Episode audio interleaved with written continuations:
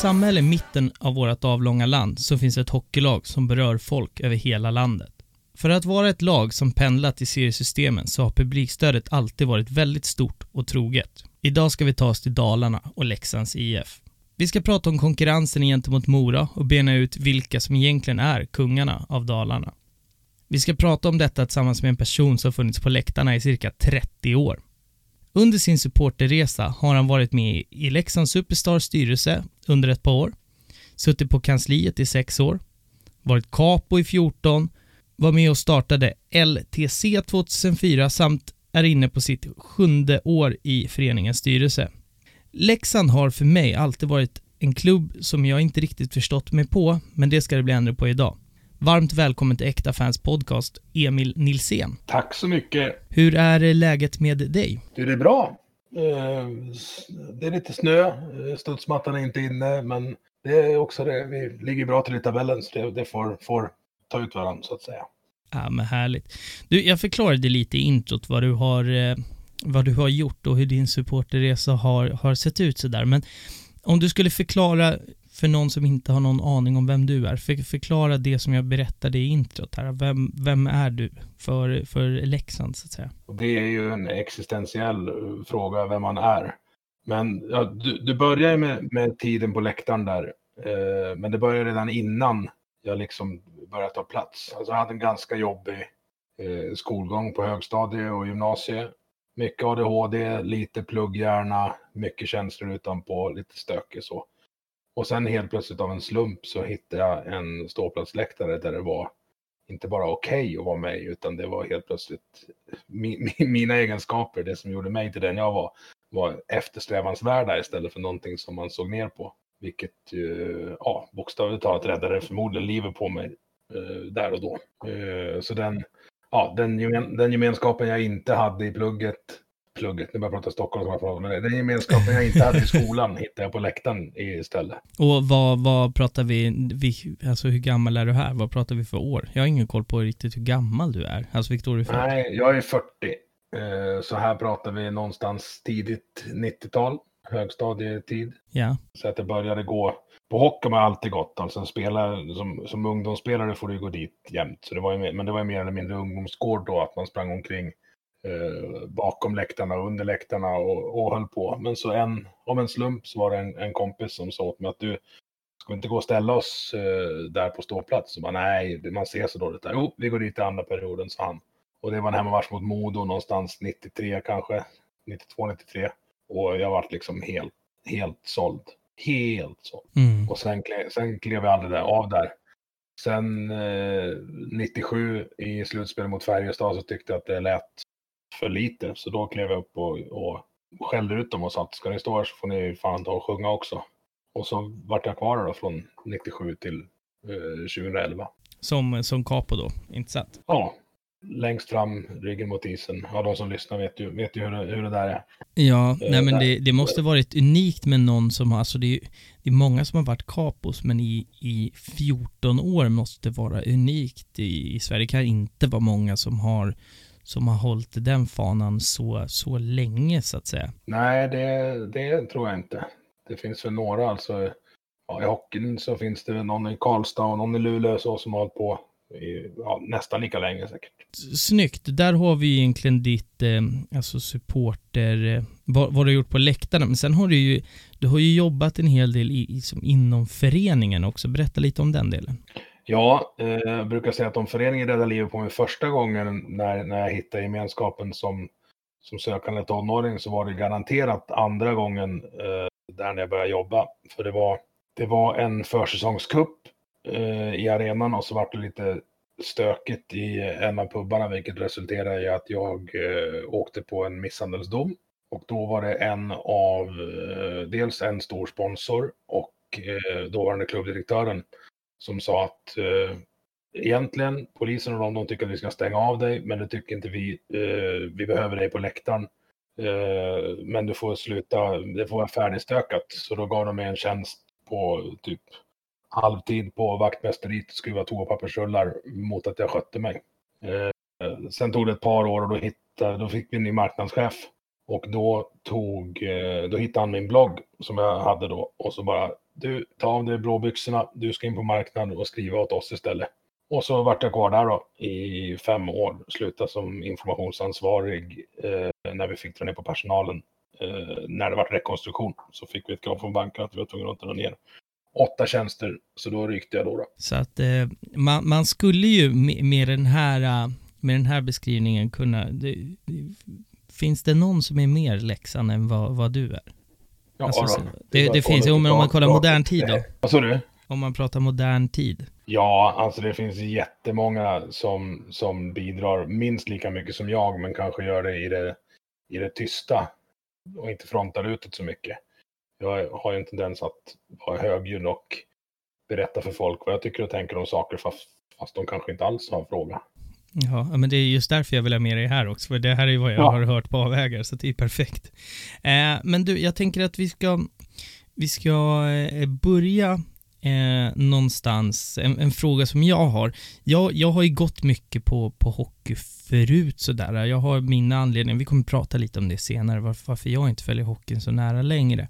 Men vi har ju en, en eh, en coronapandemi som, som egentligen kom in mitt under säsongen sådär. Vad, vad, vad, alltså hur avslutades säsongen 1920? Vad hände? Om man, om man pratar Sveriges tre högsta ligor? Alltså bröt man bara säsongen rakt upp och ner eller hur, hur gjorde man där? Eh, det var, man spelade den sista omgången inför tomma läktare. Eh, jag kunde inte ens titta på det. Det var, det var en av våra bästa matcher rent hockeymässigt, men, men då när det gick liksom från 6000 ena matchen till noll den andra så var det, det var för stort glapp för att titta på. Naturligtvis så, så eh, vi låg ju på kvalplats då och Modo Björklöven gick som tåget i, i Hockeyallsvenskan och var liksom, de hade skrivit, de hade skrivit SHL-kontrakt redan trodde de. Så vi får ju ganska mycket skit där för att Tjomme gick ut och, och, och sa att ja, vi, borde, vi borde lägga ner det här. Det folk missar där i medialogiken att det är klart att de ringer oss. de ringer ju inte Färjestad som ligger fyra liksom, som inte, egentligen inte har någon, någon marker i spelet om, om eventuellt åka ur.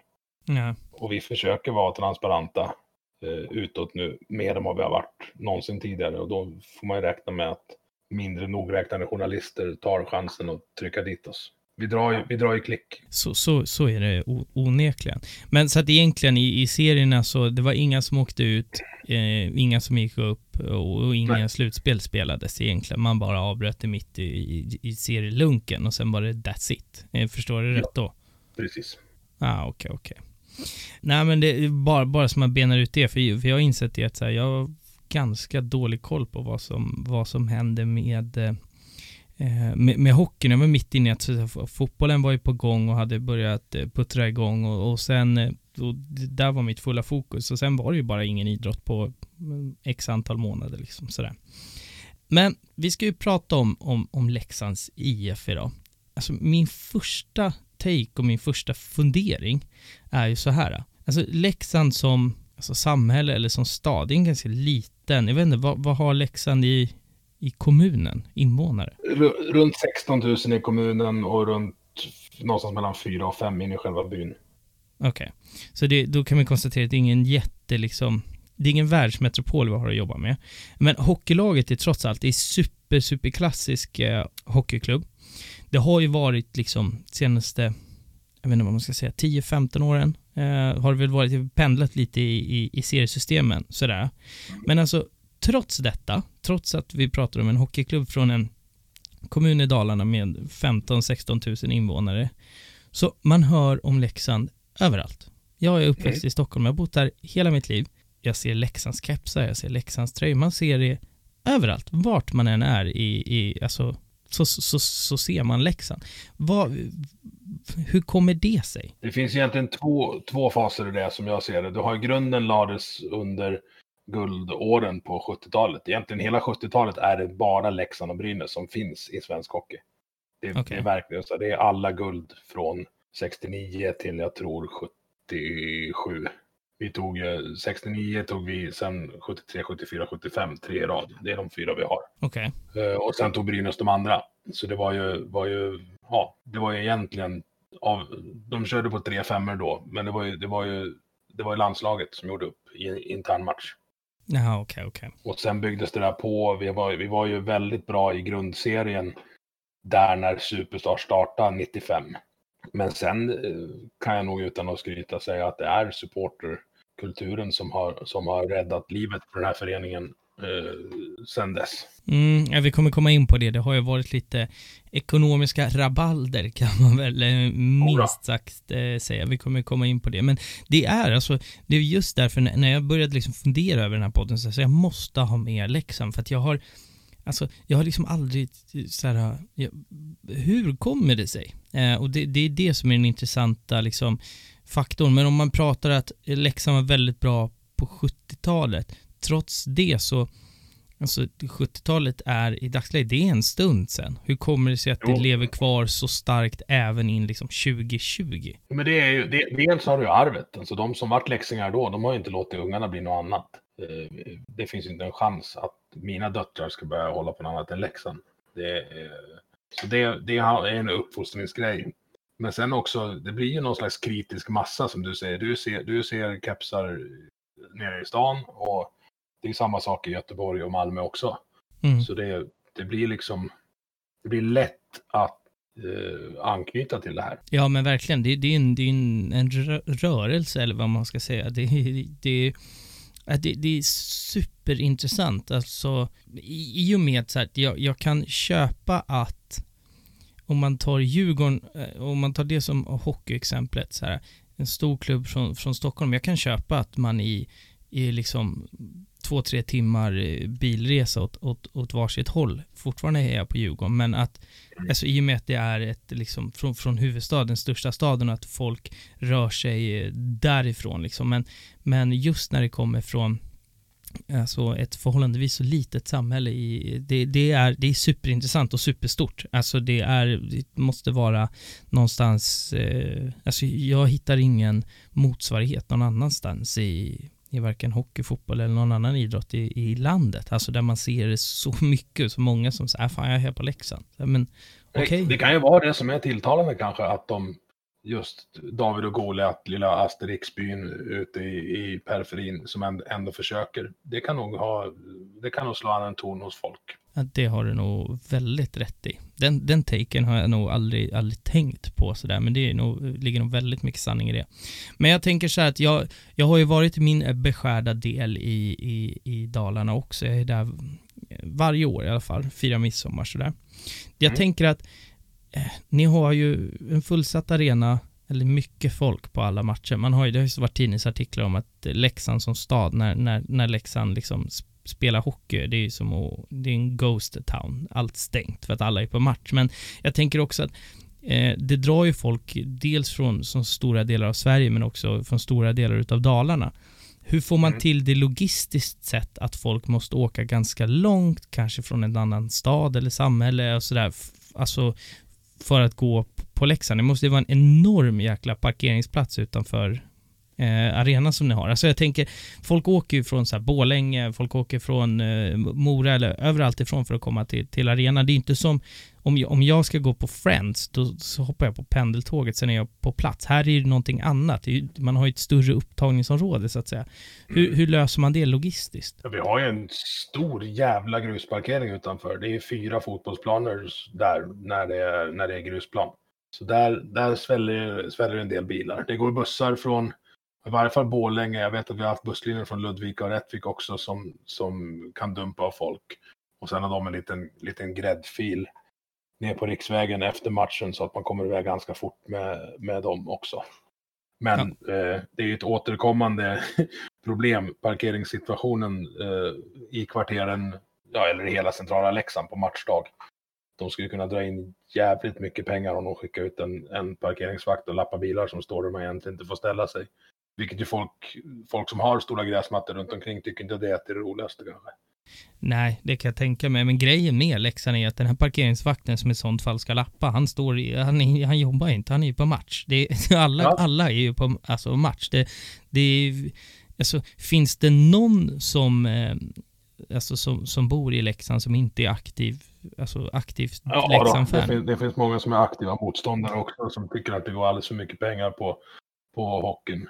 Men jag kan ta som exempel när vi åkte ur där, det som ingen trodde skulle hända eh, 2001, första gången, så eh, spelade Hockeyallsvenskan sina matcher på onsdagar medan eh, elitserien som då alltid körde torsdag, lördag, söndag. Mm. Så då fick de byta dag för kommunstyrelsens möte och flyttade till tisdag istället för det var ingen av politikerna som kom när det var på onsdagar. Ja, det är en ganska talande bild om hur, hur viktig, viktigt hockeylagen är för, för, vad säger man bygden? Det är väl det man, eh, jag vet att det använder man en del i, i Dalarna. Bygden, byn, landskapet, Ja. Dalarna. Mm, ja. mm. Det som, som jag sa där i introt, Leksand och supporterkulturen runt där, det, det är en, jag skulle säga att den är ganska annorlunda på, på vissa sätt. Vi kommer komma in på det mer, men om du så här krasst och vitt och brett skulle beskriva supporterkulturen kring Leksand, hur, hur skulle det låta då? Den är väldigt inkluderande.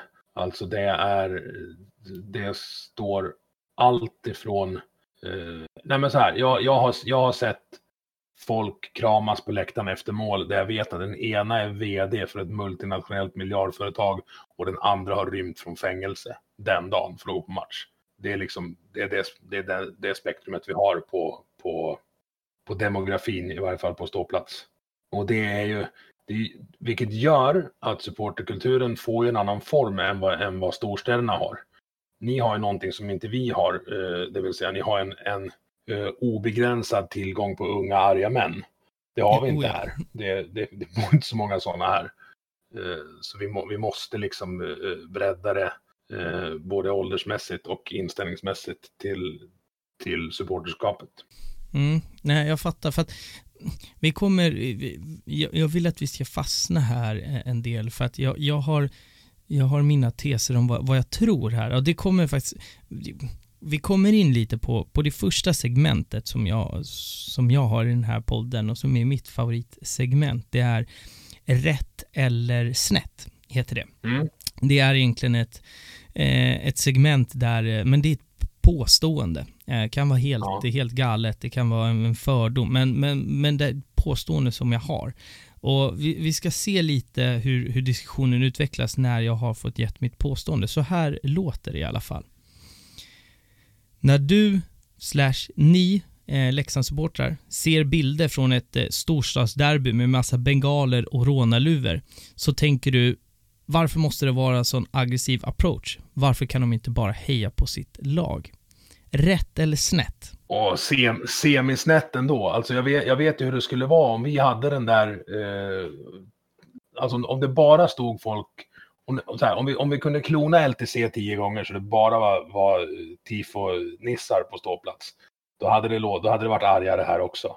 Mm. Eh, sen tycker jag ju att en, en brinnande kortsida på en fotbollsläktare ser för jävla mysigt ut alltså. Nej, för att det, det som jag vill komma in på är så här, och det är det här lite, det, det, det är det jag vill bolla upp, för jag vet inte om jag är rätt på det eller om jag är, är fel på det. För att min känsla är, har alltid varit uh, av Leksand att det är en, uh, vad ska man säga, en, men en snällare atmosfär. Jag, jag tror, alltså, nu, nu är jag väldigt så inriktad i mitt egna supporterskap gentemot fotbollen. Men jag tror hockeyn överlag är, är nog lite snällare än vad, vad fotbollen är. Men Leksand för mig har alltid varit en extremt, förstår du vad jag menar om jag säger att det har varit en extremt snäll ståplatsläktare? Ja. Oh, ja. Och det var ju också en medveten eh, riktningsförändring 95 när Superstars började. Som kanske har tagit, tagit sig eh, extrema ut, utfall ibland. När det Mm. har varit lite så att folk blir arg på någon som visar känslor efter att någonting har gått fel på isen. Och där, där vill man ju inte hamna. Nej, men alltså, och sen tror jag att med, många gånger så här, när, när jag gick på hockey, när man pratar med folk som, som, som går mycket på läxan och så här, så tror jag att om man tar det som jag har närmast till hand, om man tar en norra ståplats på Friends Arena och eh, e-, eran klacksektion så tror jag att snittåldern, i min känsla i alla fall, är snittåldern betydligt högre.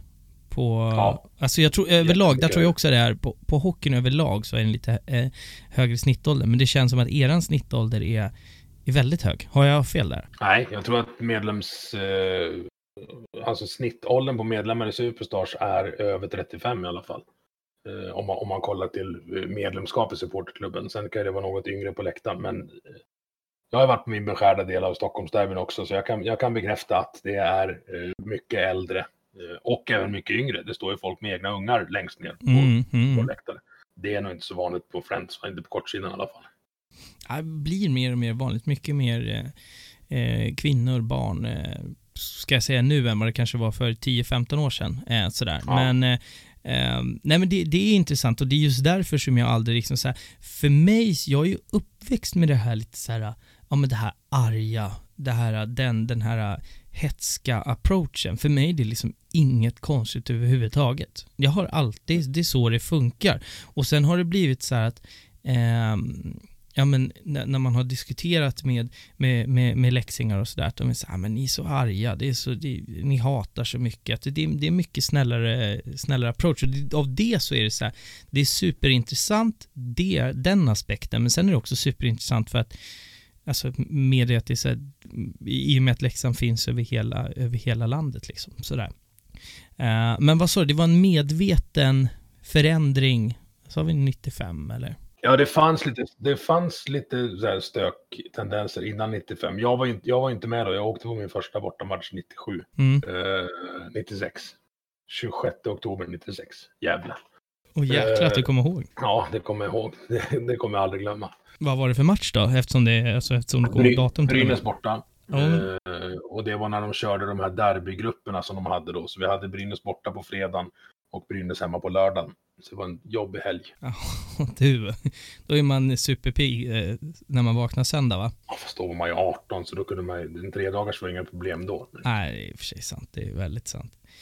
Ja, men det är ehm, ja, superintressant, alltså att, att, att, man har medvetet tagit, tagit den taken på det. Hur skulle du säga, alltså, vad är de största skillnaderna som, alltså, din slutsats, vad, vad är största skillnaden? Vad, vad, är det bästa som har hänt i och med att man har en, en tydlig linje med hur man vill att supporterskapet ska vara inom klubben? Nu har inte jag varit aktiv i någon annan klubb, eh, oavsett vad ni tror där, där nere i Stockholm om oss.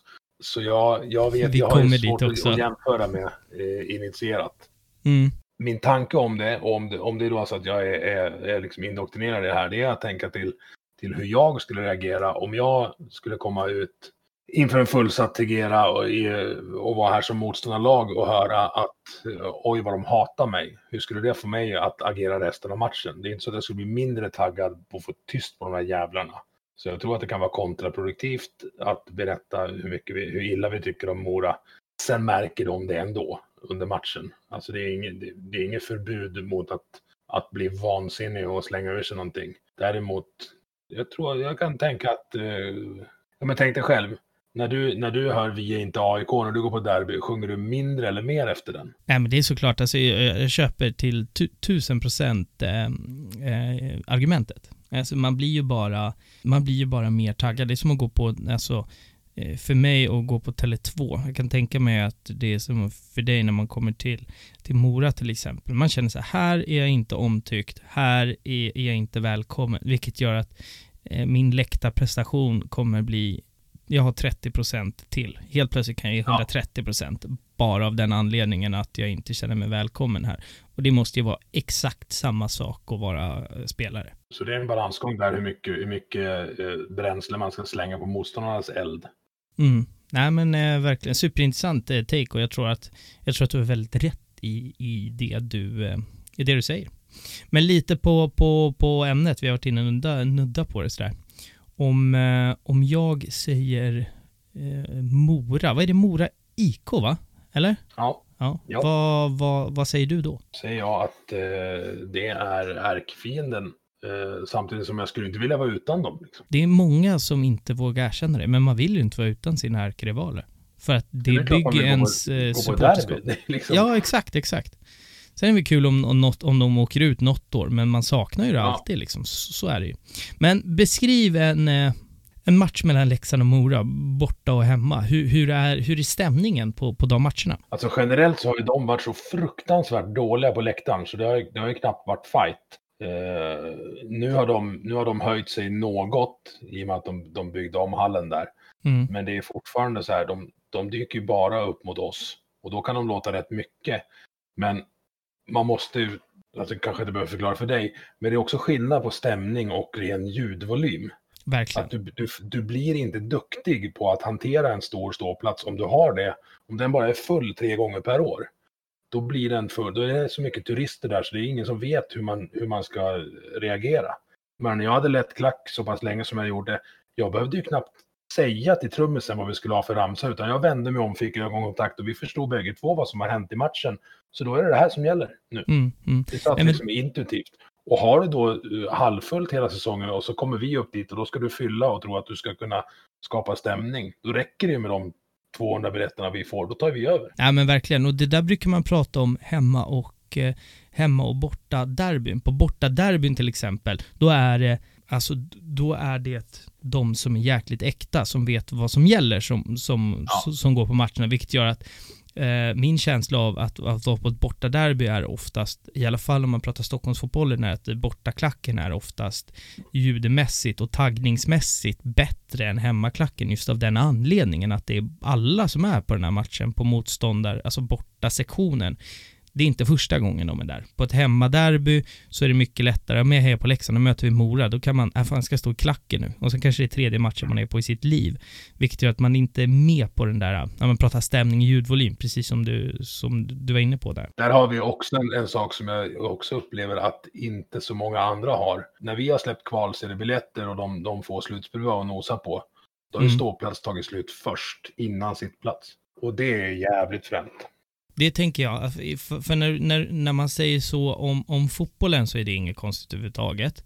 Men Nej, i hockeyn så kan jag tänka mig att det är betydligt mycket mer ovanligt. Ja, i hockeyn är det, är det, det, är, det är bara vi. Ja. Alltså, och det, vi, vi har problem att folk, eh, eh, så här, när, när det är dags för period och klockan ringer och det är tre minuter kvar, då töms ju pubbarna i hallen. Vilket gör att de har inte en chans att stå och kolla varje biljett när folk går in. Ah. Så folk smyger ju med. Folk köper ju sitt dyra sittplatsbiljetter och sen smyger de med i klungorna. Så du vet, någon, någon match har ju vaktisarna fått eh, stagat upp nedre sargen för att det har varit kanske 500 pers för många inne på en ståplatsläktare som tar 1600. Intressant, för det här, det här känner man igen både från Alltså från, från liksom Tele2, Friends, Råsunda och att folk gör helt tvärtom. Alltså i fotbollen har man ju problem att folk köper billiga biljetter för att sen smyga in på sittplats. Mm. Eh, återigen så, så eh, är det här nog en eh, ganska unikt skulle jag säga. Jag- har bara hört att det är tvärtom i princip. Sen finns det ju självklart undantag sådär, men det, överlag så brukar det vara helt tvärtom.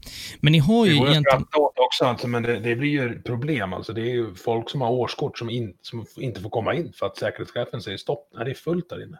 Ja, Vad fan kan det vara fullt, säger de då. De blir, de blir ju inte glada. nej, det köper jag, det köper jag. Men jag tänker att just med de här matcherna mot, mot Mora, ni har ju haft en del eh, eh, utomhusmatcher. Berätta om Ja, dem, ja. det verkar vara, alltså vilken grej. Ja, men det gör, det gör jag aldrig om igen kan jag säga. Jag var med, det var när medan jag jobbade på kansliet. Alltså vilket jävla projekt att dra i land. Och eh, de, det var ju ett externt företag som gjorde det. De har, det, de har gjort alla utomhusmatcher tror jag i Sverige. Och jag var ju fortfarande kvar på läktaren då och sa åt dem att håller, håller den här ställningen verkligen? Och så gjorde vi 1-0. Och då började folk, vi har ju en hoppramsa som målramsa. Mm. Och eh, det finns inte en chans att den läktaren hade överlevt om vi hade gjort ett mål till den matchen. Inte en chans. Okej. Vart spelades den här uh, utomhusmatchen? Ja, vi, har, vi har ju, trots att vi är en ganska liten by, ett, ett magiskt idrottsområde eh, uppe runt, runt Tegera Arena. Så vi har, en, vi, vi, är, ju- vi har Sveriges bästa baseballlag också, så det var på deras plan eh, Ah, strax norr om arenan som vi, som vi körde. Så vi kunde använda oss av logistiken eh, med pubbar och allt sånt. Ah, okej. Ja, sådana här grejer, alltså det, det är så... Hur många personer gick in på den matchen? Jag tror det var 17 319 om jag inte, om jag inte kommer ihåg fel. Det, var ju för, det var ju först, alltså du kan ju tänka dig våra tifonissar som hade hållit på då i, i 6-7 år och målat, målat och fixat och sen bara nu ska vi få spela utomhus och de bara vi ska ha polska rökbomber. Bara, Ja, okej, eh, då ska vi försöka få, få tillstånd på dem. Eh, och så jag som, som, det är preskriberat nu, men jag var ju med som sagt i, inne på kansliet och drev igenom det här. Ja. Så jag fick ta dit eh, brandchefen och så, ja men det, det är de här grejerna.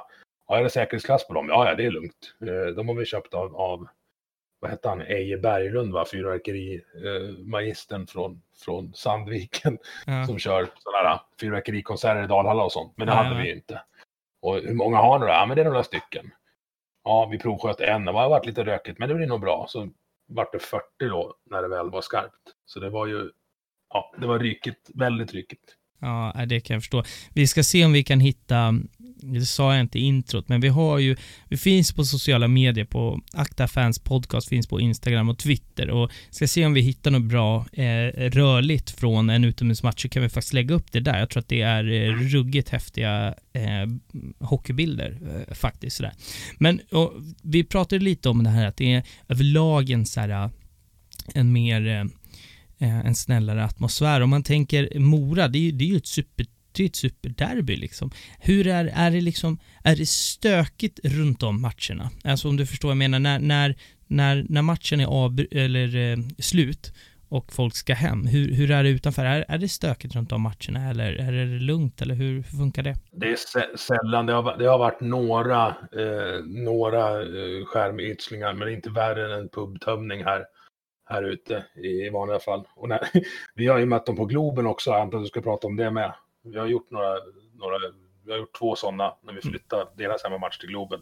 Mm. Och där fick ju polisen, första gången vet du, eh, fråga, då var jag också med i projektgruppen, så frågade polisen efteråt, så här, vad, var- vad var det då? Ja, Det var tre, tre fyller och så en eh, eh, eget bruk av droger som vi tog in, in och kissa.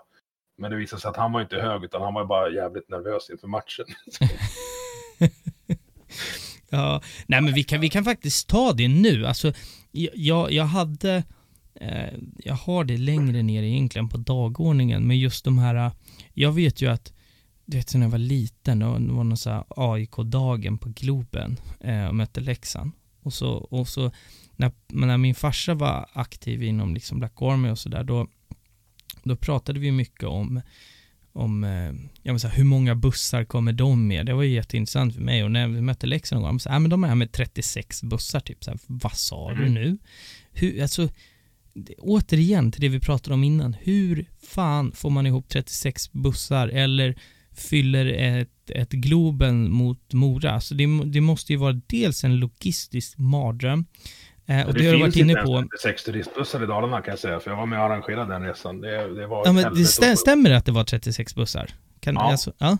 Det Det var minne. först, Ja. första april 2002 eh, i kvalet mot AIK. Eh, ja, mot AIK sa det ju. Mm. Och det var ju det var under den tiden som AIK gick ju inte på hockey. Så vi fick ju precis alla biljetter vi ville ha. Mm.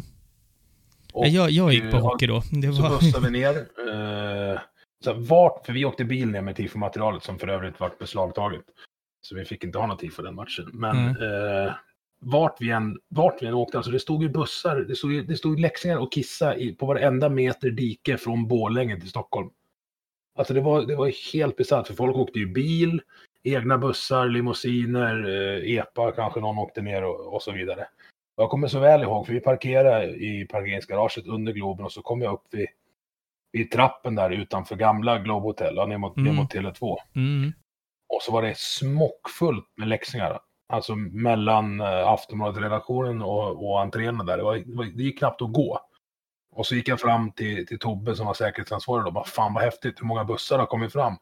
Ingen, sa han. Nej men alltså, det är ju så här, alltså, jag ska inte, man ska inte sitta och vara liksom eh, kaxig och sådär, men jag, jag är på Gnaget. Jag är inte van att bli utsjungd, varken hemma eller borta, när jag tittar på AIK. Nej. Alltså så. Och så kommer man in Nej, på. Globen och blir helt, alltså helt överkörda. På hemmaplan. Alltså det är så här, det går inte och det, det är lite det här som har byggt så här, alltså jag fattar inte. Hur, alltså hur löser man 36 bussar plus allt det andra till Stockholm? Alltså var kommer de människorna ifrån? Ja, vi hade gjort, den största vi hade gjort innan dess, det var 12 bussar 1997. Eh, men, ja, men du vet, bara att få tag på 36 turistklassade bussar och, och eh, då 72 chaufförer. Mm. Det var, ja, men det gick. Eh, men jag kommer ihåg, jag kan fortfarande vissla melodin på den Nokia 3310 som vi tog emot anmälningar med. För den ringde fan i två veckor konstant. Så la på, pling, för det fanns ju ingen online-anmälan utan det var, det var handskrivna listor och sen bara försöka pussla ihop vem som ska på vilken buss och vart bussarna ska stanna och vart vi ska äta och ja. Och sen få tag på hundra supportervärdar. När vi är vana att ha tolv. Ja. Ja. Ja, och återigen, och jag, återigen, alltså det man inte får glömma i det här, om man ska få tag i 100 supportervärdar, då ska man hitta de 100 från ett samhälle med 6000 pers inne i stan. Alltså det Ja. är det. Att hitta 100 pers i Stockholm där det bor typ 2 miljoner, det är hur lätt som helst. Alltså Mm. så. Men det, är- det, det är det här som gör det faktiskt så otroligt eh, häftigt och eh, respektingivande, eh, skulle jag säga. Så att, eh, ja, det är, eh, jag är så glad att jag får sitta och eh, prata lite eh, Leksand med er här. För att det är, återigen, ja, det är en klubb som jag aldrig riktigt har förstått mig på. Men det är för att jag får inte ihop den här matematiken fortfarande i princip. Om vi ska hoppa in lite djupare på dig som individ då för en, för en stund. Mm. Om jag säger att du har haft en stor inverkan på Leksands supporterkultur och läktare. Eh, vad säger du då? Det kan nog stämma. Om du utvecklar det då? Får vara lite självgod här för en, för en minut. Ja, det, det, det kan jag väl vara. Nej, men som jag sa i början där, jag är nog gjord för det. Alltså jag har aldrig varit lika bra på någonting annat än vad jag var på att leda klack. Och det var väl just för att jag kom från, från jag hade inget annat intresse och när, när en sån stökputte som mig väl får någonting som, som funkar, där man blir accepterad, eh, där man kan vara bra på någonting som är bra. Alltså ibland, man har en tendens att bli bra, bäst på att vara dålig, eller bäst på att vara värst. Mm. Eh, Men där, där var det okej. Där fanns det ett visst mått av, av spänning. Jag menar även vi när vi rullar in en bortamatch till Gävle där det är 6000 på läktaren som inte vill att vi ska vinna. Då blir det ju ett visst, ett visst adrenalinpåslag.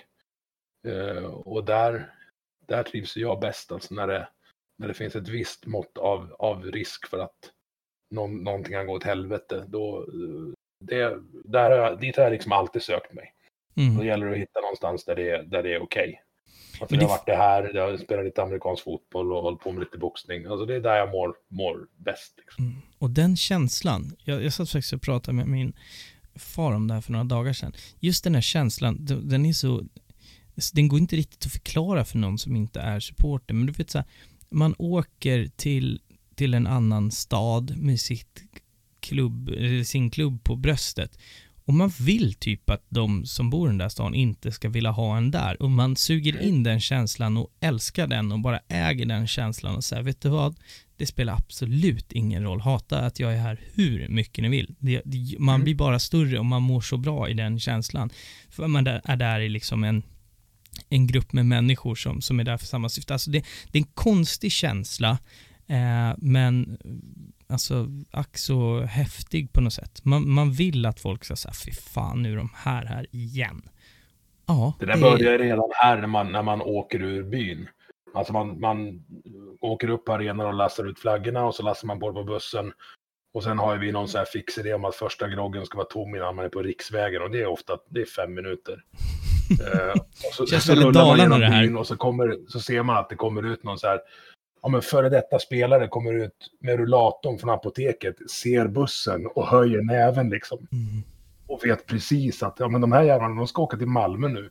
Och de ska hem på vårt lag. Kör hårt. Ja, och jag kan tänka mig också att det måste ju vara en, det måste vara en otrolig närhet till, till, till klubben, alltså spelare och, eh, och ledare och sådär eftersom, eftersom det, det är svårt att vara anonym i en kommun som innehåller 16 000 pers kan jag tänka mig. Ja men så här, när man var liten och pallade äpplen så visste ju morsan det innan man kom hem.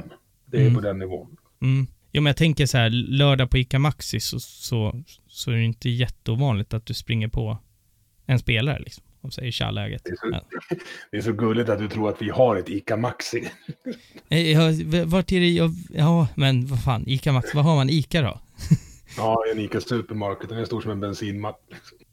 Okej då, vad fan. Hur, jag har ingen Ja. aning. Jag, jag brukar, nej men vad fan är det vi brukar gå på? i- Åka på, är det Mora Jo, kanske? Nej jag vet inte. Jag, jag, Mora, Mora har ett Maxi och Borlänge har ett Maxi. Vi har ingen Maxi. nej då är det finns Mora ingen, som jag brukar ingen handla på. eh, mataffär i Leksand där du kan köpa en spis också. Nej, okej då.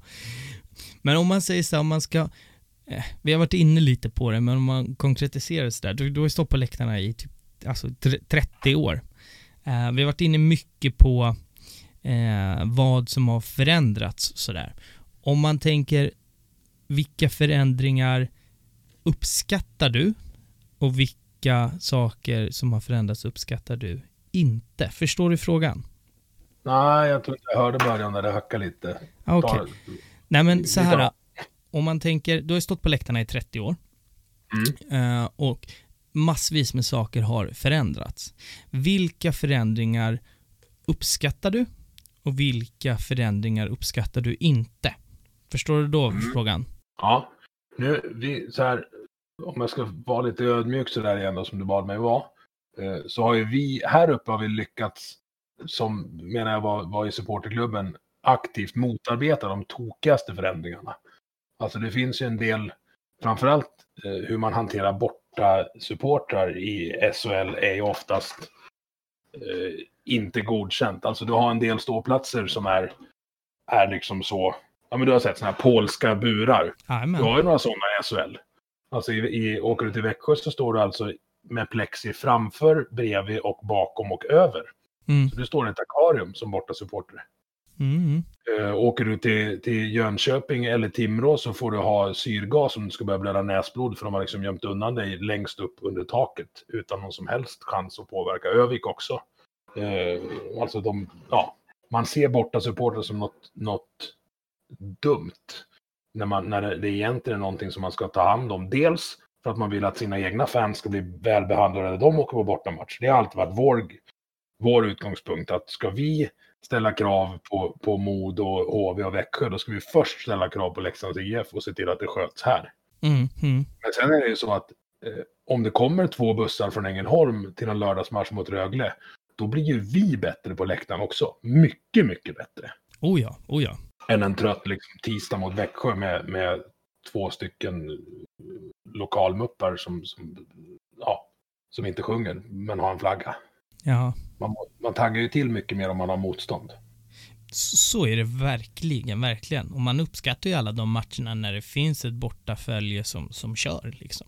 Mm. Alltså det finns, Sen finns det en del, en del klåfingriga diskjockeys runt om i arenorna också som prompt ska spela någonting i varje spelavbrott. Och det är ju vansinne. Värst är det i Almtuna. Och dit någon gång skulle få höra. Han kan klämma in fem olika låtintron i samma spelavbrott. Åh jäklar. Nej men det är lite sånt där som har, alltså vi, vi kommer återigen in på det lite senare, med hockeyn och sådär. Det är så här musik och det är lite, det är lite för mycket så här jippo-känsla tycker jag att det har blivit runt hockeyn med, ja men du vet så här, det är en avblåsning, då ska det spelas Avicii på högsta volym. Så här, nej, vad fan, Mm. det är två klackar som kör mot varandra. Och tyst med er liksom och låt, låt, låt klackarna köra. Precis. All musik behöver inte vara av ondo. Men jag hävdar med bestämdhet att en, en låt som avslutas utan att hela hallen klappar med, den är ju kontraproduktiv. Ja, ja men verkligen. Och det, det blir det, det, det skapar ju inte stämning på något sätt, förutom att det kanske är kul för, fan vet jag, de yngsta som är där och fick höra lite, det var lite musik och sen det hände något och det är lite ljusshow och det är lite så här, nej det är, hockeyn är ju mycket, och det är därför jag har i mångt och mycket lite svårare för hockeyn, eller jag har ganska svårt för hockeyn just för att när man pratar i fotbollen så pratar man så här mot den moderna fotbollen och hockeyn är ju där nu det som man inte vill att fotbollen ska hamna Ja. åt, om du förstår vad jag menar med, med, Ja, med så här ljusshower, musik och, och hela den aspekten sådär. Vi har ett, ett till segment. Jag sa i förra veckans podd att alla skulle skriva eh, på, på Instagram och kommentera vad vi ska döpa det här segmentet till. Jag spelar faktiskt in det här avsnittet eh, direkt efter jag har spelat in avsnittet om eh, GIF Sundsvall, så det har fortfarande inte ett namn. Men det här segmentet, där, där i det här fallet så passar jag inte över bollen utan jag passar över pucken till dig där, där du får kort och gott berätta ja men lite rövarhistorier. Så här roliga bortamatcher eller bara allmänt roliga minnen som, som, du, eh, som du har eh, runt och kring eh, Leksand då, så att säga. Ja, det finns, det finns ju jättemycket. Vi har ju, vi har ju den, den bästa bortaklacken vi någonsin har haft, hävdar jag, är 2003 i, vi har, vi har Södertälje borta sista omgången. Och kan, eh, det är helt avgörande vilket av de här två lagen som kommer gå till slutspel. Mm och, och, då pratar vi gamla Scanarinken, innan de byggde om den så var det ju, man stod i, i varsitt hörn på samma kortsida var klackarna. Med lika stora, så det var 600 läxingar och kanske 1100 Södertälje om man räknar sittplatssektionerna runt omkring. Mm. Och, innan matchen, alltså ibland, jag vet inte om ni har det där i fotboll, men innan matchen så var det någon så här ah, humor, så här spontan humorgrej mellan klackarna att vi, vi körde varannan ramsa, körde en liten ramsa och sen var det tyst och så alltså, lite hån, lite häckel, lite, ja det var jättekonstigt. Alltså, ja, det där har jag inte varit med om på, på så många gånger. Eh, det har ju mest varit om man har kört någon gemensam protest, men här vart det, jag vet inte fan vad det var, jo men de, någon, jag tror att de började med att sjunga att vi hade bättre klack än Mora. Nej, vi sjöng, vi sjöng att de hade bättre klack än Gnaget. Och då mm. sjöng, vi, sjöng de att vi hade bättre klack än klubben. Och då svarade vi att det har väl alla och så fick vi applåder av hela arenan. okay. Alltså det är jätte, ja. Det där kan uppstå, jag, jag kan känna igen det där från typ så här kuppmatcher, men inte mot egentligen motståndarsupportrarna. Det kan vara så här östra, alltså sittplats mot ståplats kan det bli sådär ibland, att man ja vet, hetsar internt att vet, tjockisar på sitt plats och sen mm. fattiga ståplats och så håller man på sådär men aldrig egentligen klackarna mot varandra. Nej, det, det, det var roligt. Sen har vi haft några sådana här obskyra grejer i och med att vi, när vi åkte ur där så hamnade vi i, då var ju Hockeyallsvenskan uppdelad i nord och syd. Mm. Ja, just det. Ja. Eh, och vi hamnade i norra, så vi hade Boden till exempel eh, i våran, våran grupp. Och de gick också vidare, så vi har, haft, vi har mött Boden två gånger eh, där uppe och jag har varit på bägge matcherna. Och åka tåg till Boden kan jag säga, det är en jävla upplevelse. Ja, vi har faktiskt haft eh, borta reserabalder om Boden tidigare här i, i podden, så berätta gärna mer. Ja, men så här, man, man åker först bil till Gävle och så tar man nattåget. Och då är det, då är det typ Åretåget eller något sånt som kör det. Så du har en barvagn med panoramatak. Eh, så du sitter, ja, där satt vi och så pratade vi med konduktören och bara, vi kommer ju föra ett jävla liv så det är bättre att vi gör det här och istället för i vår sovkupé. Så han lät barvagnen vara öppen hela natten, så där satt vi och kröka. Oh, och, och, hade, det, hade det väldigt mysigt. Sen själva, alltså det var väl mest att vara där uppe som var, var det fränat. Nu är vi långt, långt hemifrån. Mm. Eh, bortamatcher blir ju oftast roligast, ju, roligare ju längre de är. Vi... Ja, det finns, det vet fan om jag håller med. Du vet, de här riktigt långa när man är så, du vet, man är slutkörd eh, när man kommer fram i princip och sen sitta, du vet, åtta ja, timmar men hem då, och. Då, då är det inte tillräckligt lång, utan du måste hinna bli knall, sova, bakis och börja på en vända igen för att det ska vara, för att det ska vara bra. Ja, för att okay, du ska kunna prestera på läktaren. Vi hade en sån när vi, när vi gick ut från juldagsfesten på arenan på bussen och åkte till Malmö på annandagen. Oj, Så då, Ja, det kan jag säga. Det är oj. Eh, det var, då var det efterfest på bussen eh, från 02 till 07 där vi ramlade in på McDonalds i Eskilstuna och åt frukost. Och sen somnade alla. Och sen vaknade vi igen vid, vid lunch och sen tuggade vi på igen. Oh, fy fan. Ja, alltså de här bortaresebussarna. Alltså, nu vet jag att så här, det är många som lyssnar på den här uh, podden som är lite yngre som inte kanske har suttit i så många bortaresebussar i, i sina dagar. Men alltså, det kommer en dag när även ni gör det och alltså, det, de här långa bort, det krökas en del. Det ska gudarna det Men det är veta alltså. Man mår ju aldrig så bra som när flaggorna är inlassade och man, man knäpper den första pilsnen och rullar genom byn ner mot riksvägen. Alltså det är det, det är det bästa som finns. Och du vet, min äldsta dotter är fem, så om fem år ska hon åka med och jag bara längtar tills hon får följa med på en sån där. Ja, nej men alltså för att beskriva egentligen en bortaresa, jag kommer ihåg, det är jag och farsan som ska åka till, eh, jag tror att jag är 17 kanske. Vi ska åka ner, jag vill säga 18 för då är han mer safe i, i vart den här historien ska komma. Söndag morgon, eh, vi ska till Kalmar Jag tror att vi, vi hoppar på tunnelbanan på Gullmarsplan vid kvart över sju söndag morgon. Han har en pappkasse med en platta bärs med sig. Och det är alltid så här, varje gång man ska på bortaresa så sitter man alltid så här, när är det okej okay att knäppa första biran? För mm. att när man, hoppar, när man väl sitter i bussen, då, då är det liksom game on. Men så satt han, så tittade han på mig, kollade mig i ögonen och så började han garva. Sen grävde han ner och bara, bira?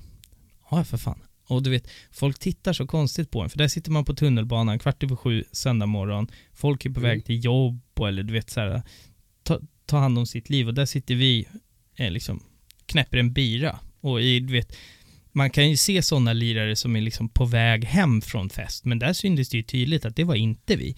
Så att, eh, ja, de här bortaresorna är eh, fantastiska när man eh, börjar dricka öl alldeles för tidigt på morgonen. Sådär. Där har ju hockeyn, hockeyn en fördel gentemot fotbollen i och med att det är tajtare spelschema, om vi ska prata rövarhistorier. Vi hade, för två säsonger sedan, så hade vi Björklöven borta på fredagen och Sundsvall borta på söndagen samma helg. Mm. Ja, då åker man inte hem till Leksand. Ja, det är helt fantastiskt. Man rullar upp, upp till Umeå 60 mil fredag morgon och så vart det fest i Umeå och sen eh, rullar man eh, till Sundsvall, fest på dagen i bussen och sen kasinot på kvällen och sen en ganska trött läktarinsats på söndag vid tre och sen hem. ja, den är i och för sig super, superrimlig. Uh, har du någon mer sån här någon historia som vi inte får missa här? Vi har ju åkt båt eh, några gånger. Eh, mm. Både till Mora på träningsmatch i, alltså tänk en spegelblank Siljan i slutet av augusti och du får knäppa en bira tillsammans med dina polare, dina hundra närmaste polare på en ångbåt och tuffa uppåt i tre timmar.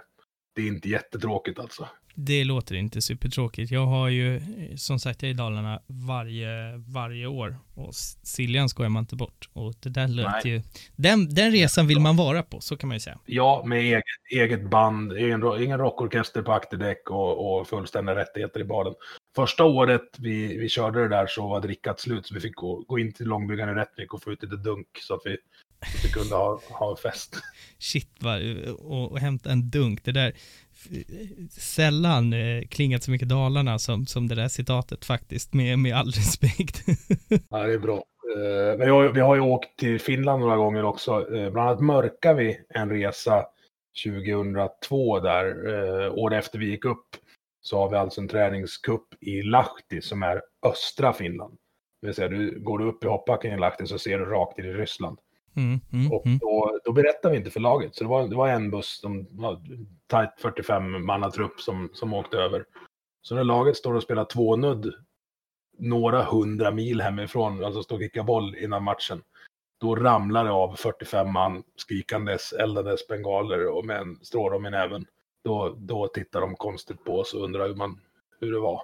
Det hade också en tveksam läktarinsats då efter en kryssning, en 48 timmars över. Liksom. Ja, den kan jag också faktiskt eh, eh, förstå sådär. Du, eh, eh, en helt annan grej här. Min, min kära far har ju varit med och gästat den här podden två gånger. Jag visste att det här skulle komma. Nej, men när eh, en av faktiskt de, de första gästerna som han tipsade mig om var, var dig. Eh, och han bara, bara haft bra saker att säga om dig sådär. Och, och om vi bara börjar där, va, alltså hur, vilka sammanhang har ni stött på varandra? Ni har tydligen gjort det x antal gånger. Sen har jag en händelse här som jag ska fråga lite om. Men om man bara börjar, hur har ni stött på varandra så att säga? Jo, men det var ju det. Eh, första gången vi träffades var på en sån här supporter och säkerhetskonferens på ett hotell i Västerås. Där de då skickade ner ja, ner för oss.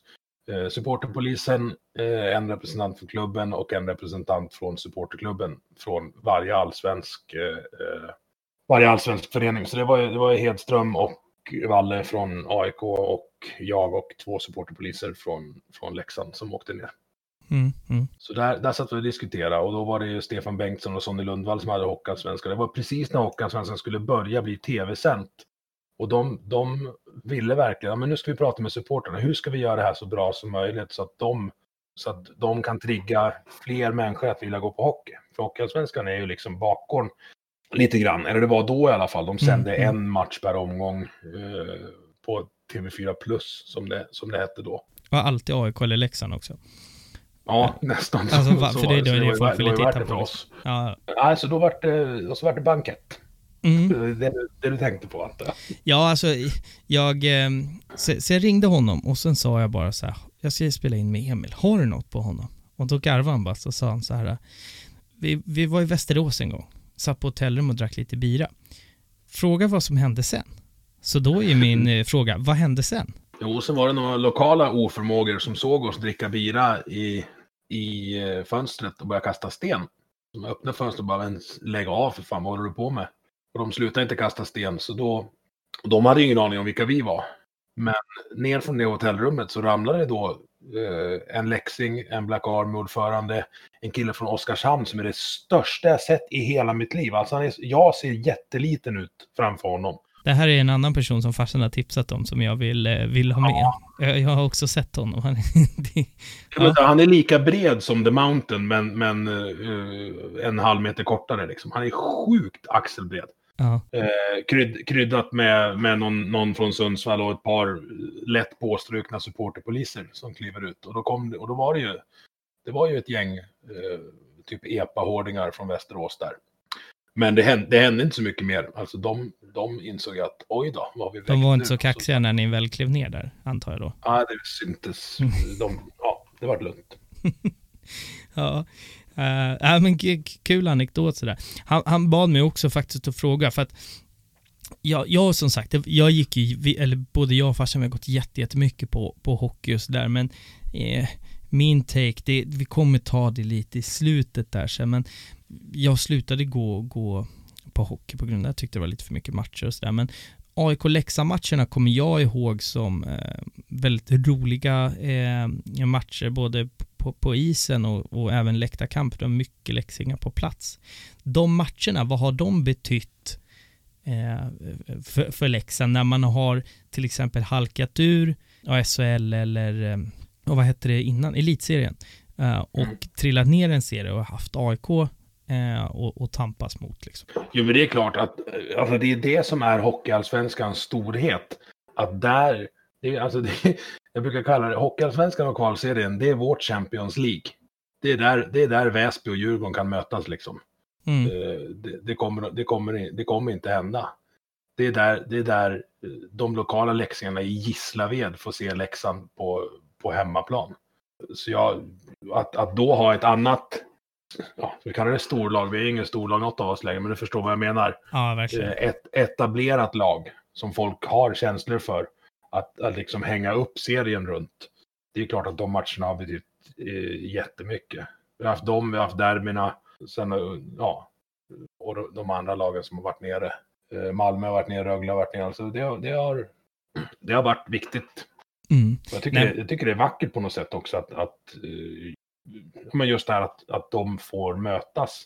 Oskarshamn och Djurgården. Liksom. Nu möts de i SHL, men alltså om man tar de grejerna. Det har varit Arboga mot Djurgården i, i Hockeyallsvenskan. Mm, mm. Det, är ju, det, är ju, det är ju sjukt egentligen. Ja, men, men verkligen. Och lite av den här känslan av att det har varit så snällt, eh, liksom, i Leksands supportkultur grundar jag mycket i de hockeymatcherna där för mig då så känns det lite som två ytterligheter supportermässigt möttes. Det här hårda, råa, arga Golden Hill mot det här snälla, li, lite mer lugna Leksand. Det var bra läktarkamper, men det var ju liksom så här det kändes vissa gånger som att det stod 200 gnagare och var tokredo på att springa ut och liksom och, och veva, men det, det kändes aldrig som att det var samma sak från Leksand, vilket var så här två ytterligheter. Det var väldigt intressant att, det, att de två världarna möts, men i en, i en ruggigt bra läktarkamp liksom sådär. Ja, och, och då blir det ju inget slagsmål. Alltså de, de, dina hårdingar är intresserade, inte intresserade av att kliva in på läktaren med barnfamiljer. Liksom. Så då, Nej, verkligen det inte. krävs ju, krävs ju två för att det ska bli, bli boxning då. Ja, men verkligen, verkligen. Sen kan ju de säkert ha lyckats leta upp någon arg läxing på tunnelbanan någon gång så att det har blivit, blivit Ja, något. jo, jo. Men det här överlag, det var ju inga stökiga matcher så som ett, eh, liksom, som, som det derby kan bli eller en fotboll om man möter IFK Göteborg eller sådär. Utan det blev ju, det Nej, var ju oh, bara nej. bra läktarkamper liksom sådär verkligen. Eh, vi har ett segment kvar här i, eh, i, i podden. Det fem snabba. Ska vi se om de blir Mm. snabba eller långsamma. Vi får se lite. Om vi börjar. Den här är, det är en svår fråga och en bred fråga. Men om du får välja ett bästa hockeyminne. Alltså nu, nu är det ju uh, färskvara. Men alltså det är nog att få se Jeppe Ollas passa August Berg. Alltså killen med nästan, ja, en av killarna med störst Leksandshjärta fast han gjorde någon sån här obskyr utflykt till Brynäs av någon jävla anledning under några år. Kommer hem, ska hjälpa oss att etablera elitserien, är med och åker ur, kliver på som kapten, passar en, en favoritjunior som gör sitt första mål när vi går upp mot Mora i förlängning på bortaplan. Det är skitsvårt att slå det minnet alltså. Det köper jag. Det är 100 procent. Det är alltså... Så här, jag, jag säger, eh, han som gjorde målet, August Berg, jag säger inte att vi har kollat på highlightsen för mycket. Men treåringen fick sin första katt i somras och döpte den till August Berg utan någon som helst påverkan från, från oss som föräldrar. Okej. Vi har sett det där målet ganska många gånger vid frukostbordet. Hur var det förresten en- en- att spela kval mot, eh, mot största rivalen? Det måste ju vara hur stort som helst. Ja, grejen var att det var ju tredje året i rad vi gjorde det. Vi Mm. åkte ju ur mot dem. Det var ju pissdrygt. Eh, vi misslyckades med att ta oss upp mot dem och sen lyckas vi eh, till slut. Eh, så det var, det var ju tre derbyvårar. Alltså det är dubbel glädje. Man, man går upp och skickar ut största ärkerivalen. Alltså det är, det är Ja. ju sån glädjefnatt så att det går ju inte alltså. Nej, nej det var... eh, Jag vet inte om du har sett det, men, men bilderna från kvällen där. Jag, jag, jag har två, ex, eller tre exempel från den kvällen på hur, hur stort det var. Ett, vi, det finns bilder på en av våra spelare som firar det här med att dricka champagne med lokala rättvikare i rondellen på Riksvägen i Rättvik på vägen hem. Och han har fortfarande skridskorna på sig. Ja, den är fin. Det, det här är också, in, jag säger bara in på Instagram så ska vi få upp lite bilder här. Ja, ja, det finns bilder på det. Den, den bilden på det tog de ju- Han var med på E ISBN till och med. Så den, den har gått viralt. Mm. Harald Lyckner, kommentatorn, säger på kvällen, eller säger i sändningen att det blir förmodligen fest i Tegera Arena. Det- Det fanns inga polistillstånd för att ha någon fest i Tegera Arena på den kvällen kan jag säga. Men de som äger restaurangerna i arenan fick ringa till polisen och säga att nu är det så här. Det står 2000 pers här ute. De kommer gå in genom fönstren snart. Vad ska jag göra?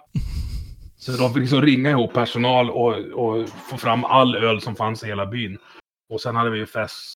Ja, jag vet att jag har någon så här Instagram-bild 02.30 när våran dåvarande lagkapten öppnar en korvkiosk och börjar laga korv till de som, som är kvar i arenan.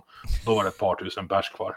På morgonen när jag vaknar och kommer hem, Eh, eller på morgonen, på morgonen när, när jag vaknar efter, efter att på något sätt ha tagit mig hem på kvällen, natten, morgon, eh, så ska jag packa upp ryggsäcken. Då har jag en signerad suspensoar från en av spelarna i, i matchen. Det står tack för stödet Emil längst upp i ryggsäcken. Den har han lagt ner utan att jag visste om det. Den är fin. Alltså det är mycket Ja, så- attiraljer mellan den- Suspen är någonting speciellt ändå. Jag ska, jag ska sätta upp den på en sån här äh, älghornstavla har jag tänkt någon gång när jag, när jag bygger nytt kontor här hemma. Ja, det, det låter helt fantastiskt. Äh, grym, grym eh, anekdot. Fråga nummer två då.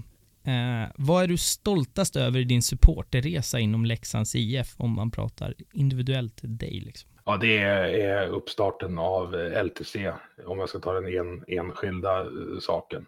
Mm. För också den, alltså den, eh, den leveransen över så lång tid med, med den kvaliteten, med så små resurser som vi har här. Det hade inte gått ut, utan att få hjälp av, av framförallt vaktisarna på arenan är helt fantastiska och lokala företag som på färghandeln här till exempel så är det bara att gå och hämta det vi behöver. Det betalas aldrig utan det, det skriver de av som sponsring bara. Okej. Det är bara att kliva in, penslar, färgtejp. Ja, men du vet, det går ju åt en del Mm, plast mm. och, och grejer. Eh, och sen avslutningen då på min egentligen operativa karriär i LTC är när vi brände av nio tifon på samma match när vi fyllde tio år. Och det har då ingen annan gjort. Det tror inte jag heller faktiskt. Nio tifon på en match, det är logistiskt en mardröm och eh, Ja, eh, det kan jag säga. Alltså, vi, vi, vi såg inte så mycket hockey den matchen, men det var alltså ett... Jag hatar ju powerbreak. Det var det, sen är det någonting jag skulle vilja ändra med hockey så det är bort med det, för det är trams. Men det var, det var ju bra med en 30 sekunders tifo-paus mitt i varje period. Eh, ja, men snyggt. Fråga nummer tre då. Jag såg en tweet om att du sett Leksand på, rätta mig om fel, 52 arenor. Ja, jag, jag, gjorde någon sån här genom, genomgång där eh, i Excel. Mm. Eh, men då var det ju folk som, som kompletterade den där, för att jag hade ju glömt några. Okej. Bland bland annat Gislaved. Så det är eh, 58. Eller? Fe- 58 arenor, det är Mm. också ett otroligt facit. Men vilken arena har varit eh, häftigast att vara på? Oj. Alltså första matchen när vi hade byggt upp Tegera var ju, är något speciellt. Men den är, den är ju hemmaplan nu. Nej, men du får bara välja bort. Då tar, då, ja, det tar jag nog gam, gamla Scania-rinken. Alltså den, det, var, det är den bästa hockeyhallen vi har haft här någonsin. Mm. Mm. Eh, bara plåt och just klackarnas placering i varsitt hörn på samma kortsida gjorde att det vart ju jävligt taggat. Ja, det kan jag eh, förstå. då. Ja, men grymt.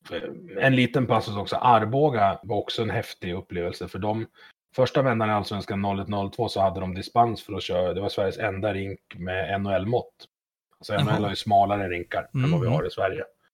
Eh, sen fick de inte dispens för det 04-05 så de fick bredda den. Men de, kommunen hade inga pengar så de, fick, de kunde inte bygga om hallen någonting. Vilket gjorde att de fick ta bort de tre nedersta läktarstegen på varje sida. Så när jag stod och ledde klack i den det året så stod jag med ena foten på läktaren och den andra uppe på plexit. Och Kanske den. inte världens säkraste Nej, det köper jag. Men ball grej ändå. Ja, jävligt frän. Vilken enskild spelare håller du högst under din tid? Thomas Forslund. Och för mig som aldrig har... det säger, det namnet säger mig ingenting. Berätta varför det säger Nej, dig han någonting. var, han var, det var ju dels för att det, han var bäst när, när jag började aktivt stå på läktaren där mitten mot slutet av 90-talet. Då hade ju vi alltså landslagets första kedja som första kedja.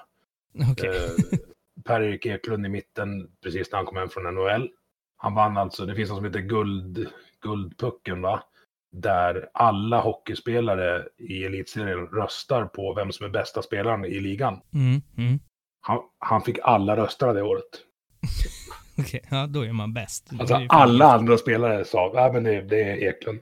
Och så hade han två stycken vilddjur på sidan om sig, Thomas Forslund och Marcus Åkerblom. Okej. Som är liksom så här bull, bulldozers, eh, bägge två. Eh, och Forslund är liksom en, en dampig dåre som inte backar för någonting. Kunde, kunde avgöra matchen. Han har ju fortfarande poängrekordet i en enskild match. Han gjorde sex mål och två assist mot Rögle. Det är ganska bra. Det är ganska bra. Forslund kunde även komma ut till bortabussen och eh, vilja ha med sig, vilja, vilja låna några öl efter en bortaresa. Så han var liksom en av oss. Ja, jag vet, jag får inte ta med mig någon Billstav-tränare, men ni har några till mig. Bara, ja, det är lugnt. Här, ta, ta. Sånt där gillar man ju. Sånt gillar man ju.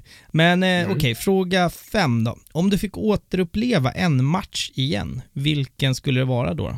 Måste det vara en jag har varit på själv eller? Nej, okej, vi, vi, vi ändrar frågan lite. Om du fick, eh, du fick en tidsmaskin och fick gå på vilken match som helst, om du ens har varit där eller inte har varit, vilken skulle det vara då? Då skulle det vara SM, SM-guldmatchen eh, 75, senaste gången vi, vi tog guld då. Jag har faktiskt farsans bild. Farsan var på den matchen. Han spontant åkte ner från Leksand till Göteborg på vinst och förlust. Och jag har, jag har hans, eh, hans biljett här inramad någonstans på kontoret från den matchen. Det kan inte finnas jättemånga kvar. Nej, det kan det inte göra. För då, det kan du också, det, det har du säkert ingen koll på heller, du som är fotbollsnisse. Men då spelar alltså Leksand och Brynäs spelar SM-finalen i Skandinavien med Göteborg. Det vart det sista avgörande match då i finalen skulle den spelas på neutral mark. Åh jäklar vad sjukt. Ja, det är... Det, Det är helt sjukt ju. Vad dumt.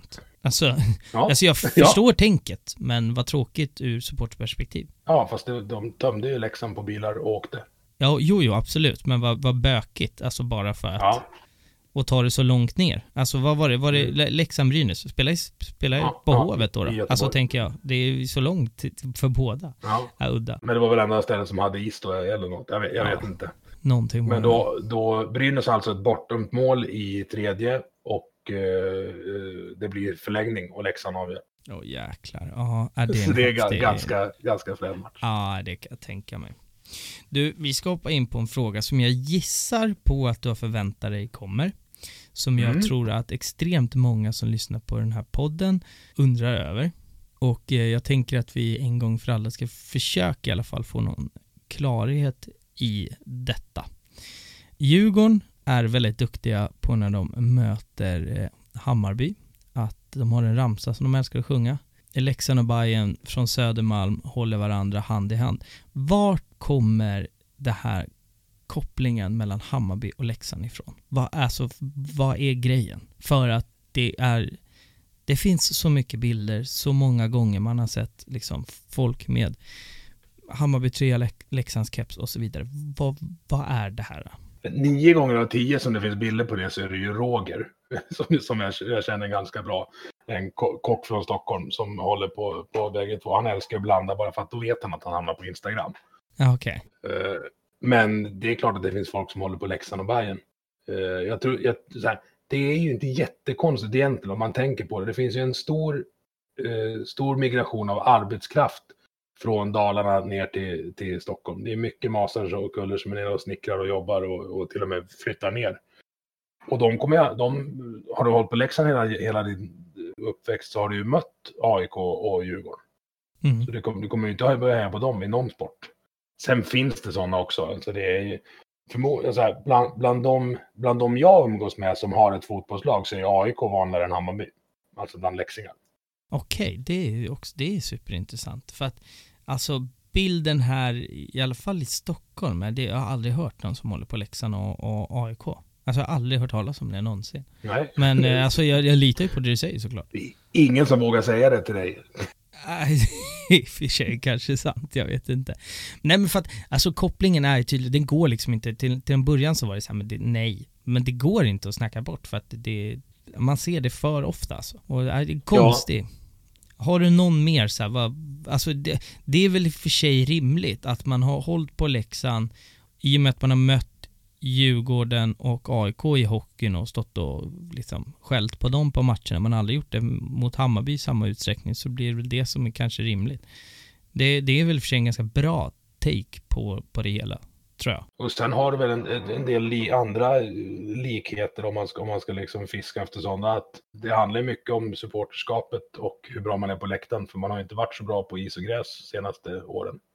Nej, det är också så här, historiskt sett. Nu är väl Hammarby jättebra i, i, i fotbollen, men de har inte varit det överlag. Det har varit Nej. också en, alltså sportsligt sett varit en, en bespottad klubb många, många gånger sådär.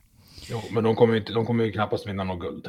Nej, det, det var nära förra året. Sen får vi se. Du vet, framtiden, det är som Rickard Norling sa, framtiden, det vet bara Gud och bettingbolagen. Det är så. Ja. Nej, men eh, snyggt, då har vi i alla fall två, två stycken eh, teser på vad, vad det kan vara. Ja, jag skulle bara vilja, vi, vi ska så sakteliga börja knyta ihop här, men en sak som, som, eh, som jag skulle vilja prata lite med du som har gått på hockey så länge. Jag har ju sagt många gånger här i, i det här avsnittet att jag, jag slutade följa hockeyn av, av den enkla anledningen att jag tyckte att det var alldeles för många matcher.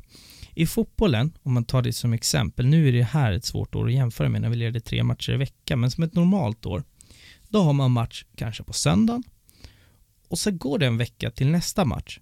Man har tid på sig att gå och ladda upp, okej, okay, om, om en vecka möter vi Örebro borta hur ser skadelistan ut? Vem är avstängd? Man hinner liksom mentalt landa i den matchen.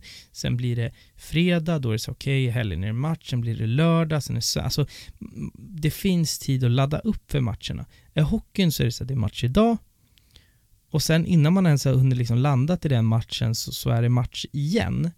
Och det mm. stör mig väldigt mycket. För utöver det så när man hejar på AIK som inte liksom, det har inte regnat SM-guld över AIK kan man ju kort sagt säga, under min supporterresa så.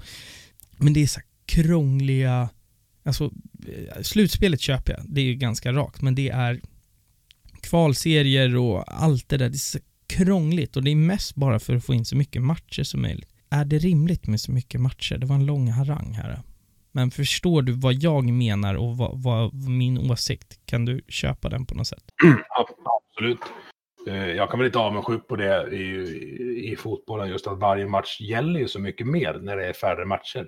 Exakt. Alltså du, du måste ju vinna två av de tre första för att vara med i fotbollen. Mm, och jag menar... I, om du ska vara guldkandidat. Ja, men verkligen. Och i hockeyn, jag menar, är det tio omgångar kvar och det ligger fyra, då kan du torska alla, alla, alla tio typ. För du får ändå slutspelsplats. Nej men alltså, nu överdriver ja. jag, men det är väl lite så. Och det tycker jag för mig är så här, ah, men vad fan, det... Då får jag inte den här taggningen. Jag vill gå att alla matcher jag är så jäkla taggad för jag får 15 hemmamatcher på en säsong. Jag får några bortamatcher de jag hinner. Men varje match betyder någonting. Jag är jätteladdad varje gång jag går dit. Ska jag liksom på Mm. 30 hemmamatcher plus och 30 på tvn plus ett slutspel, men det är så här, vad fan, ska jag på 45 matcher om laget går bra och går till slutspel? Ja, men då spelade ju hur många utav dem var viktiga liksom. Och det, det, det stör mig och därav så kände jag med hockeyn att, ah fan, det här funkar liksom inte riktigt för mig. Hur, hur känner du där? Alltså, att gå på en match i mitten av säsongen när man ligger i mitten i tabellen och det spelar inte så jäkla stor roll. Ja, det är det. Jag kan ju inte relatera till det, för vi ligger ju fan aldrig i mitten av tabellen. Vi är ju all, varje match, även fast det är 52 omgångar, har ju varit på liv och död för oss de senaste säsongerna. Det är alltid så här, ja, men nu har vi tre poäng upp till strecket, ja, men nu har vi fyra för att, för att slippa spela kval. Så för oss är det, ju, är det ju på liv och död hela tiden. Det är bara dem. Nu har vi bara spelat nio matcher och vi ligger, nu ligger vi i mitten av tabellen. Men två torsk så kan ju vi vara sist. Mm. Så, så att, att tagga upp för, för matcherna är, är inte ett problem. Sen är det ju så, det handlar ju om veckodagar också. Eh, hur mycket taggning det blir. Det är ju, när, vi, eh, när jag var på kansliet och man pratar om, man klassar ju A, B och C-matcher, inte, inte säkerhetsmässigt utan hur mycket publik tror vi att vi kan få till de här matcherna och vilken prisklass ska vi lägga dem i, för det är också olika. Mm. Så har vi en D-match eh, som, all, som det aldrig går att sälja biljetter till. Och det är om vi får en tisdagsmatch hemma eh, i älgjaktveckan. Då är det kört. Då blir det okej. tomt. ja, det här är också så här, jag kan inte relatera till det här överhuvudtaget. Jag förstod nästan det. Nej, men så här, skulle, skulle vi kunna på Brynäs då? Då blir ju hela läktaren istället full av orangea kepsar för att folk kommer direkt från passet och bara kliver, kliver ur stövlarna och i skorna och går in på hockey. Ja, okej. Men, men eh, är det Växjö eller Oskarshamn eller något annat lag som ingen riktigt bryr sig om, då blir det tomt den, den matchen. Nej, jag förstår, jag förstår. Tisdagar, det är väl komma till att tisdagar är skräp eh, när det, när det gäller hockey. Ja, Torsdagar är bra för då blir det alltid, då, då har folk liksom börjat ta i helg. Lördagar är naturligtvis bäst. mm. Lördagar är inte bäst ur ett ekonomiskt perspektiv för föreningen, för då är det inte lika mycket restaurang och eh, loge från företagen. Det är alltså, det är en balans och där har du det där, vad ska jag säga, moderna. Vi är beroende av, av att logeplan är full också. Och det, det blir man ju lite så här, jag fattar att du, du har ju två olika aspekter på det hela. Du har varit capo, men sen har du också jobbat inom klubben. Alltså för mig, när jag går på fotboll, alltså jag, alltså jag fattar den ekonomiska aspekten, men jag skiter i de som sitter i logen. Alltså de, Mm. de är inte, vi gör ju inte samma sak, de och jag, tycker jag. Sen självklart, de drar in betydligt mycket mer stålar än vad jag gör till klubben, så att de är viktiga sådär. Men ja, jag, jag förstår precis eh, vad du menar. Du Emil, vi har... Eh, Vi ska, vi, ska skick, vi ska lägga ut en bild också, du ska få den av mig, hur det ser ut när jag tittar på hockey från en loge. Ja, det, det gärna. Vi, vi, du får skicka en jäkla massa bilder så ska vi, ska vi få till och, så att det här blir bra. Men jag har alltid en, en avslutande eh, fråga i den här podden. Där, där, jag vill, där jag vill bara höra egentligen din, din åsikt och din, eh, hur du ser på det. Vad är supporterkultur för dig? Det är ju inte, inte helt lätt att uh, tratta ner så här. Men om man, säger, om man säger så här då, när du går från att vara, vara supporter till att bli en del i supporterkulturen, det är när du börjar ta ditt supporterskap på minst lika stort allvar som spelarna tar sitt idrottande. Alltså när du, när du börjar tänka på hur du ska förbereda dig för, för säsong, för match, Alltså när du tänker på när spelschemat kommer så bara, ja, de här bortamatcherna, det är det första man kollar av. Eh, du kan inte lyssna på en låtjävel på radio om du har lyssnat på radio utan tänka, ja men den här kanske skulle kunna fungera som ramsa. Och sen tänker man, nej den blir nog för svår för ramsan. Och så tar Djurgården den. Jag är så jävla arg på att de har Belinda Carla i ramsan. För det, den hade jag gått och nynna på tio år innan de satte den.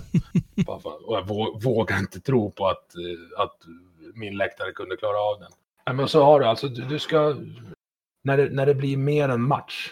Match. Matchen är huvudnumret, men det är, det är så mycket mer än en match. Och där, jag förstår precis vad du säger när du går på match, att du skiter i logerna. Och det, alltså det gör jag med. Jag kan bara gå på hockey på ett sätt. Eh, vilket du ser om, om du kollar på bilden jag skickar över nu. Jajamän, jag sitter och tittar så- på den. Den kommer upp på, på Instagram också. det där är vad jag, vad jag betraktar som styrelsemässigt agerande på match. Det där är alltså i en loge, eller på väg ur en loge, eller vad, Mm, vad man ska mm, kalla det. mm, mm, Och det, det är enda sättet jag kan gå på hockey. Sen när man jobbar på kansliet eller sitter i, i styrelsen eller har andra operativa åtaganden runt om matchen. Det enda det egentligen ändrar är hur, vilket tidsperspektiv du ser på ditt supporterskap eller föreningens väl och ve när du inte är på match. Mm. Alltså, och ju, ju närmare läktaren du kommer, eller ju närmare ståplats du kommer, desto kortare blir tidsperspektivet. Mm. När, jag sitter, när jag sitter med ungarna i en loge och vi, vi ligger under med, med två mål i slutet av andra, då kan jag tänka, oh, men jag, jag vet ett i början av tredje så är, så är vi med i alla fall. Då är det liksom lugnt, men står jag på ståplats, då, då är det ju, då har man ju stängt av den logiska delen av hjärnan, då är det ju bara ryggmärg och reptil som gäller. Och det är ju också helt underbart. Det är det, det, är det som drar folk till, till att överhuvudtaget gå på idrott. Mm. För livet blir så jävla enkelt de där timmarna du är där. Du vet vilka som är med dig, du vet vilka som är mot dig och när du går därifrån vet du om du har vunnit eller förlorat. Det är få människor som har den lyxen i sin vardag. Alltså Mm. du vet inte på jobbet eller i plugget eller på tunnelbanan vilka som är med och mot dig. Och när du går och lägger dig på, på kvällen så är det ganska mycket gråzon om du vann eller torskar den här dagen. Och det finns säkert folk som kan rycka på axlarna och tycka att ja, men jag, jag, det vart väl oavgjort. Men jag kan inte det, utan jag, jag, jag behöver den här svartvita delen i mitt liv där jag vet hur det går, där det finns en tabell att titta i. Där det finns tydliga regler och där det finns domare som inte kan de reglerna och spelare som inte kan åka skridskor och folk som inte kan ta emot en jävla passning. Då måste jag få reagera på det Mm. tillsammans med 7650 av mina närmaste kompisar. Mm. Eller 80 om vi är på bortamatch. Mm. Och det är, alltså, där har du supporterkulturen. Alltså kärleken till laget och när jag kan få ta med mina barn och uppleva den kärleken, lite på avstånd från ståplats då, men, men ändå att se, se Emmas ögon när, ja men det är match idag och idag kan vi åka dit för det är en tre match, vi, vi hinner se två pärrar innan du ska somna. Det är arvsdelen också i det hela. Det, det var inte ens rört vid. Min morsa och farsa träffades alltså på en, i en bil på väg till Gävle på bortamatch. Jag träffade min fru i en buss till Karlstad på väg till bortamatch. Det här är ju löjligt. Ja, nej men det är väl supporterskap är förbrödrande. Så är det. Men du, eh, Emil, det var Jo, men det här också, att vi, Ja. pratar, att vi pratar så här. Ja. När du går från att, att eh, när, du, alltså när du börjar ta det seriöst, alltså när du går, när du börjar bli en, en, en supporter som tar supporterskapet på allvar, då blir det också lättare att umgås med supportrarna till andra lag. För de supportrarna som har tagit det klivet, liksom tagit det, tagit det på allvar, visst, kanske inte på matchdag, men som vi sitter och pratar nu, en Leksand och aik eller när man åker upp dagen innan till Luleå och, och liksom, ja men man har ju någon Luleå-folk som man har, man har Twitter-bråkat med. Ja men då säger man, ja, men jag är här nu, vill du ta en bärs? Och så sitter man och pratar om, och, ja, men så här, lite penismätning på krogen och jämför hur, hur bra man är på läktaren och drar lite rövarhistorier och ljuger lite. Då får Mm. man ganska bra kompisar. Det har varit superintressant. Jag tror att vi hade kunnat sitta och prata supporterskap i eh, tio timmar till. Men eh, tyvärr så är det dags att knyta ihop eh, säcken nu. Det har varit en, eh, ja men fan en jävla ära att sitta och prata supporterskap med dig. För du har gjort eh, extremt mycket för, för, för din, eh, din klubb och dina läktare. Och när till och med min, min far som är min förebild inom, inom supporterskap berättar för mig att den här killen ska du ha med, punkt. Eh, då, då lyssnar man och jag eh, så här en och en halv timme in ångrar inte mitt val överhuvudtaget. Så att jag vill bara eh, säga ett, ett, eh, ett jättestort tack för att du har varit med. Glöm inte att följa eh, poddens eh, sociala medier, Twitter och Instagram, Akta Fans Podcast. Där kommer vi lägga upp lite rörligt och lite bilder. Bland annat en ruggig bild som jag sitter och kollar på nu när Emil håller på att klättra ur en loge. Sådär. Har du några sociala medier som du vill att folk ska följa eller vill du hålla dig anonym, Emil? Vill man bråka på Twitter så heter jag Dalarstark. Vill man kolla på eh, katt och barn och träningsbilder så heter jag Dalarstark på Instagram också. Ja, men strålande. Då har ni det också. Hörni, tack för eh, den här veckan. Vi syns eh, nästa måndag och eh, återigen superstort tack till dig. Tack.